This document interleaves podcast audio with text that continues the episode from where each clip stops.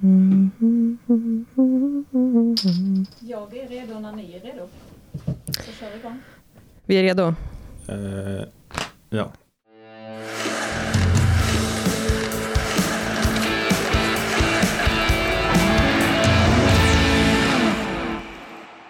Vilka utropstecken och frågetecken bjöd SHL-premiären på?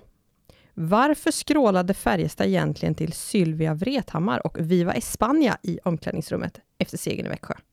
Vi ger dig svar på allt du vill veta och inte visste att du ville veta efter helgens stora händelse. Du lyssnar på NVT Istid med Solveig Voice och Marcus Strömberg. Marcus? SHL-premiären är avklarad.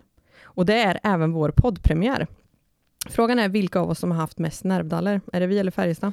Baserat på premiären så var det nog eh, vi, men nu känns ju all den här ödmjukheten eh, helt bortblåst. Helt. Nu eh, sa vi innan här, vi behöver inte läsa igenom det, vi bara kör. Vi har fått hybris Ja. redan. Det gick, vad tog det? Sju dagar? Ja, knappt. Det är- starkt. Det är starkt. Vi ska ju då börja den här veckans avsnitt med att gå igenom de fem punkter vi tyckte stack ut från veckan som gick. Jag tänker, du får börja. Vi börjar ju såklart med premiären och kanske specifikt eh, publiken eh, som jag tyckte var väldigt det var häftigt. Det var, man hade glömt bort hur det faktiskt känns att vara i en arena med, med så mycket folk. Den, den tar inte så många så det upplevdes nästan som fullsatt på plats. Hur, hur, hur var liksom upplägget i Vida Arena? Satt de, stod de? Hur många var de? Vet du det? De var 2012 personer tror jag. Mhm. Eh, och det var, det var blandat. Det var ganska mycket folk på ståplats faktiskt. Och de hade klacken igång. Och jag ska inte säga att man fick en tår i ögat men lite gåshud i alla fall när, eh, när allt drogs igång där. Mm. Ja, men det var ju bra tryck. Det kommer Ja. ju bli otroligt sen när det blir fulla arenor, känns det som. Ja, man, i början när, när det kom ut att Färjestad ville flytta matcher så kände man ju kanske att det var onödigt. Att man kände bara, man kör på nu, för fan, det är bara att ösa. Mm. Eh, Men eh, efter att ha sett vad de här personerna lyckades åstadkomma där så känns det ändå rätt att vänta och se vad en full arena faktiskt kan göra.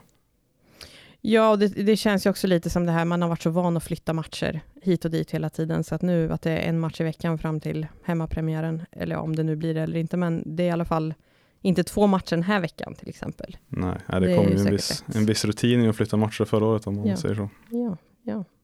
ja men det var mäktigt. Det var det verkligen.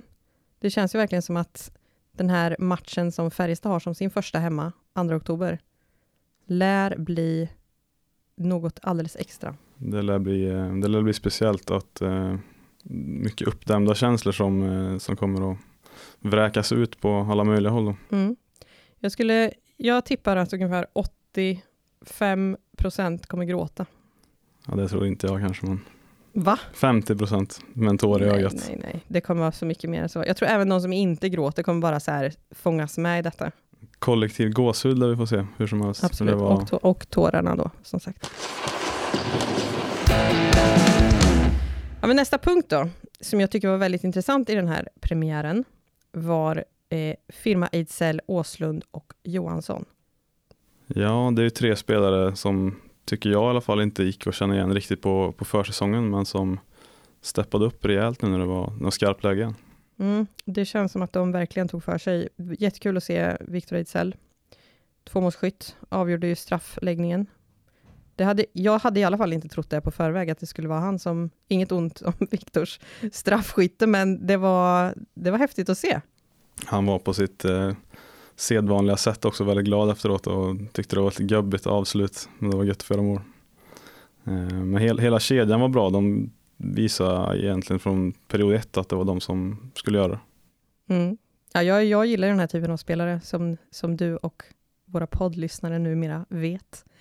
Jag gillar de här slitvargarna som eh, går in och köttar liksom i varje byte. Jag tycker Åslund gjorde en toppenmatch. Han var ju verkligen han var svinjobbig för de andra hela, hela tiden. Och det är det han ska vara. Och han fick verkligen ut det nu.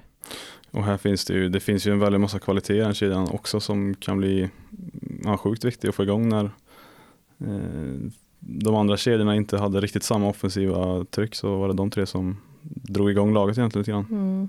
Ja, men verkligen. Och de spelarna som man har sett ganska mycket av på försäsongen, med, jag tänker just på Lillis och Nygård, det, Växjö fattade ju det direkt, att de ska ju plockas bort. Och det gjorde de ju rätt effektivt. Men då var det ju ja, men, klyschornas klyscha, men att den här kedjan då steppar upp. Ja, men det ska de ha, absolut. Ja, det var bra. Nästa punkt, då, vad har du där Marcus? Jag har skrivit upp eh, Adam Ginning och Albert Johansson. Eh, det unga backparet som har matchats eh, mycket tillsammans men som jag inte känner har kanske funkat helt och hållet än. Eh, det såg vi bland annat på första målet Växjö gjorde där mm, Albert tappade sin markering till exempel. Mm.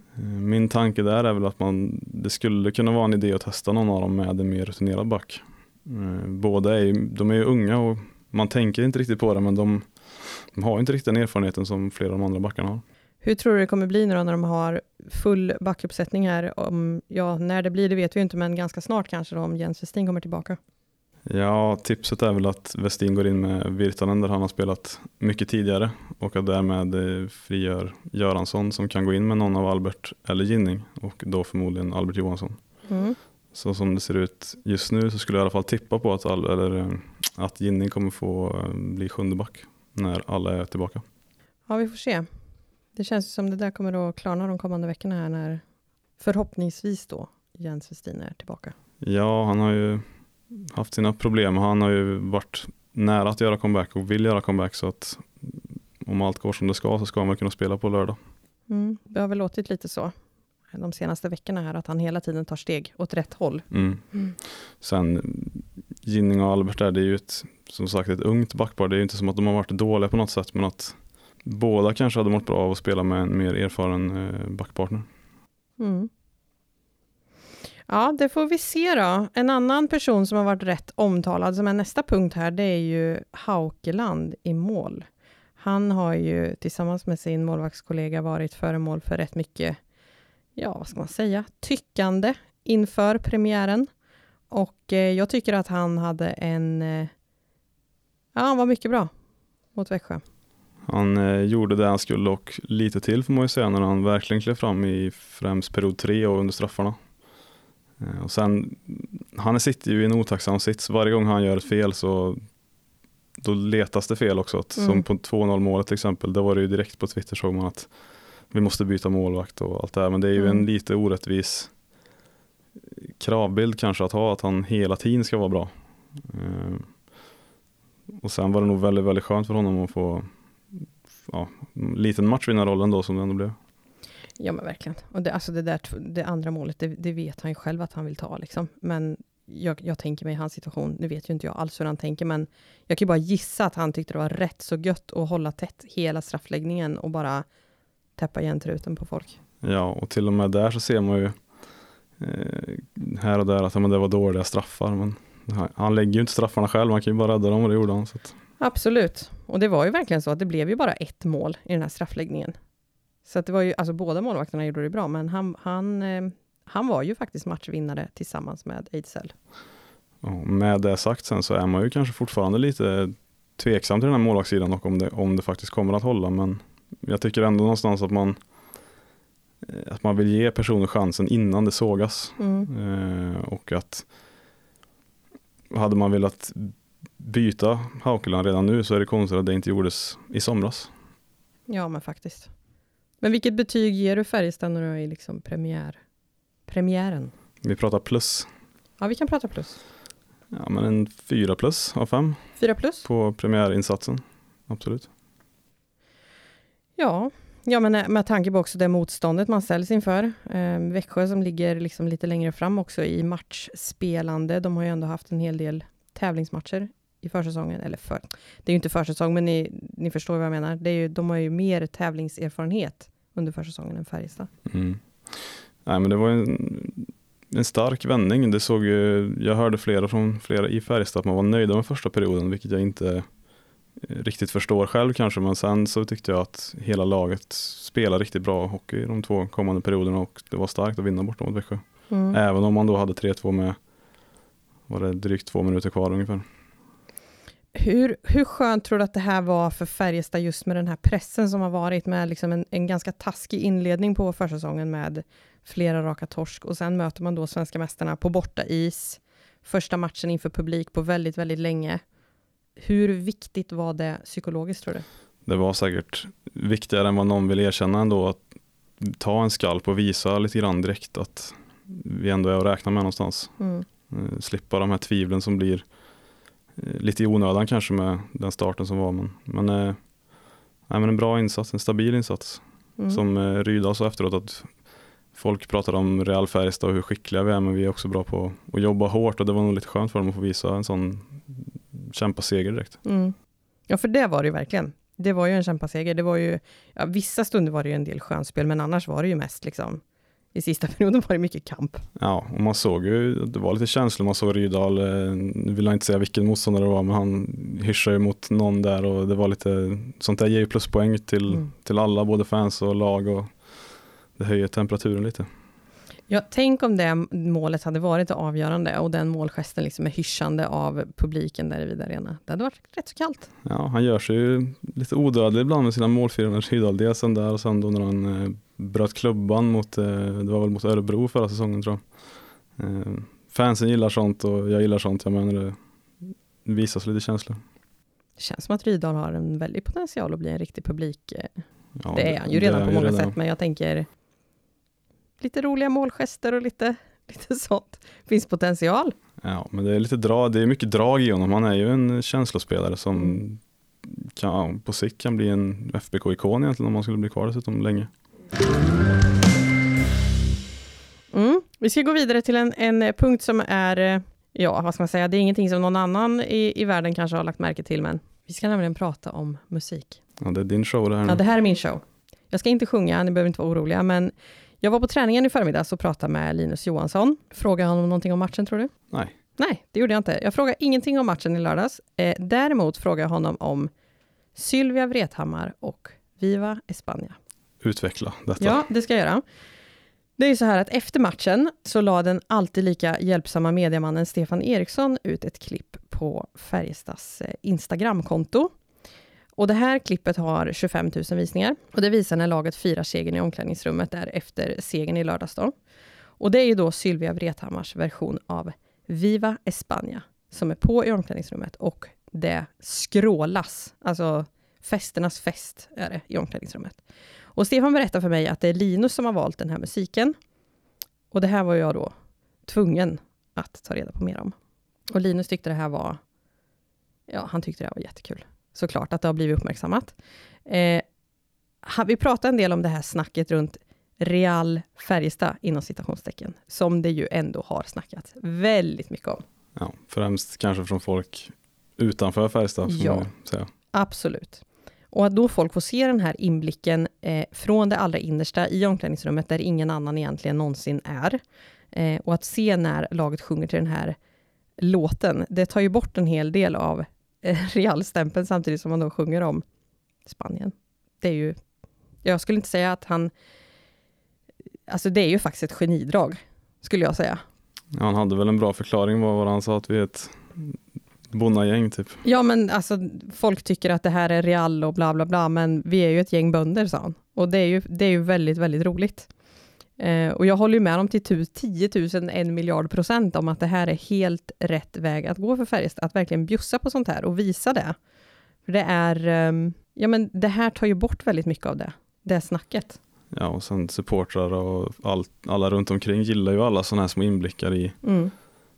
i de små sakerna som man inte ser annars. Nej men precis. Han, eh, han berättade ju då storyn bakom Viva España-valet eh, och sa att det kommer från Camp Sörmark, det här lägret som Färjestad var på i juni i år. Försäsongslägret. Eh, och där spelade han låten när laget eh, hade det här lägret och det blev ett himla liv i refrängen när låten gick på.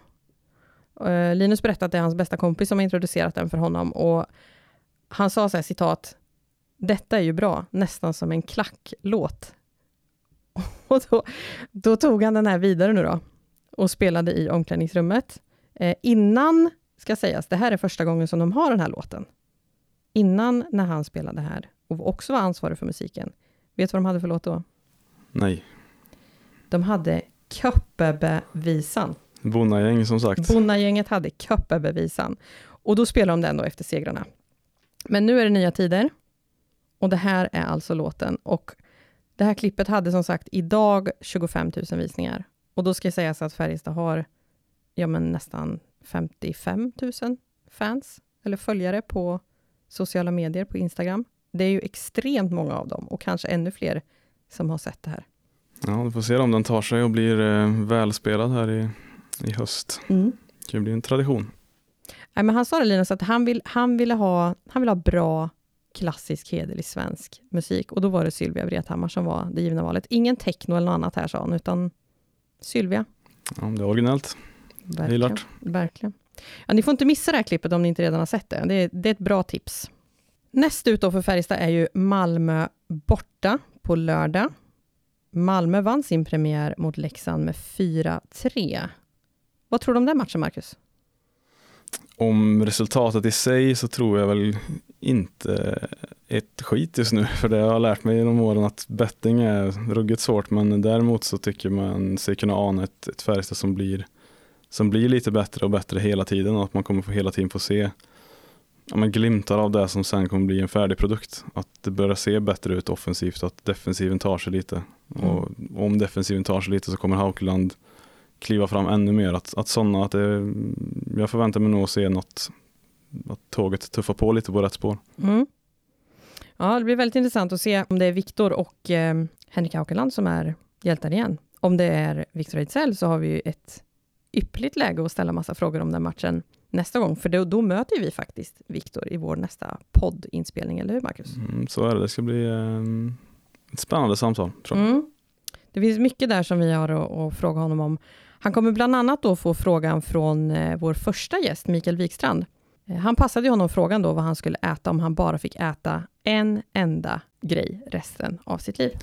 Ja, med, eh, han eh, tänkte väl då på att Ejdsell är väldigt matlagningsintresserad då, så var det, om jag minns rätt. Exakt, så var det. Så där kommer vi ju fråga honom såklart. Eh, och om du som lyssnar har en fråga till Viktor eller till oss, Marcus eller mig, så får ni gärna skriva i vår grupp på Facebook. Vi heter eh, NVT Istid där. Vi nås även på vår mejl, sporten.nvt.se. Och så har vi ju även numera då aktiva Twitterkonton och där heter vi Solveig understreck voice, Viktor Olof Yngve Cesar Erik och Stromberg Marcus i ett ord. Ni får jättegärna gå in och följa oss. Det var allt vi hade för den här veckan, Marcus. Ja, tack så mycket till dig och alla som lyssnat. Tusen tack. Du har lyssnat på mig, Solveig Voice, och min parhäst Marcus Strömberg i NVTs hockeypodd Istid. Emma Lindell har klippt podden, Carl Edlom har gjort jinglar och ansvarig utgivare är Mikael Rotsten.